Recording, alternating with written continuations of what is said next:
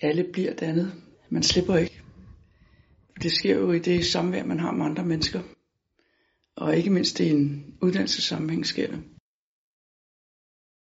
Dannelse det er øh, i dag, vil jeg sige, at dannelse det er menneskets søgen efter mening, og ikke dets bevidstløse accept af allerede vedtagende normer og værdier.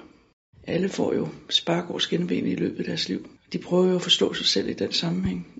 Og der er det jo bedst, hvis vi i skoler og uddannelsessteder har givet dem nogle holdninger, nogle øh, erfaringer, en indsigt i verden omkring dem, som gør, at de kan håndtere og mestre deres eget liv.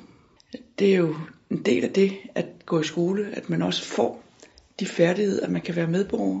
Eller ikke færdigheder, men den indsigt, der gør, at man kan være medborger. Det at komme ud som en murer i et privat hjem, kræver jo, at man har en vis fornemmelse for, hvad det er for et, et hjem, man kommer i. Hvad det er for nogle mennesker, der bor her.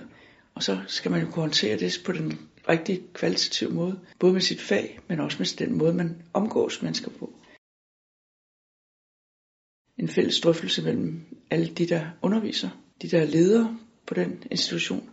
De bør jo i virkeligheden have en fælles opfattelse af, hvad er det for nogle værdier, hvad er det for nogle øh, menneskelige træk ved de faglige uddannelser, som øh, det er vigtigt at få frem, og få de unge, som går på uddannelsen, øh, til at se for sig.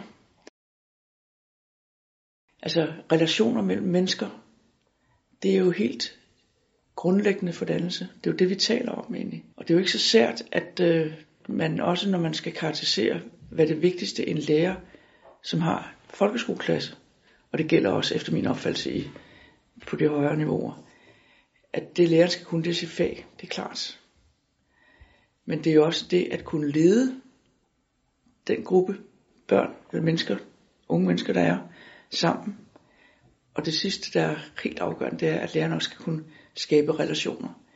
Og det er jo de relationer, der gør, hvis det er gjort rigtig godt, så er alle oplever hver eneste ung menneske sig som anerkendt og en del af det fællesskab, der er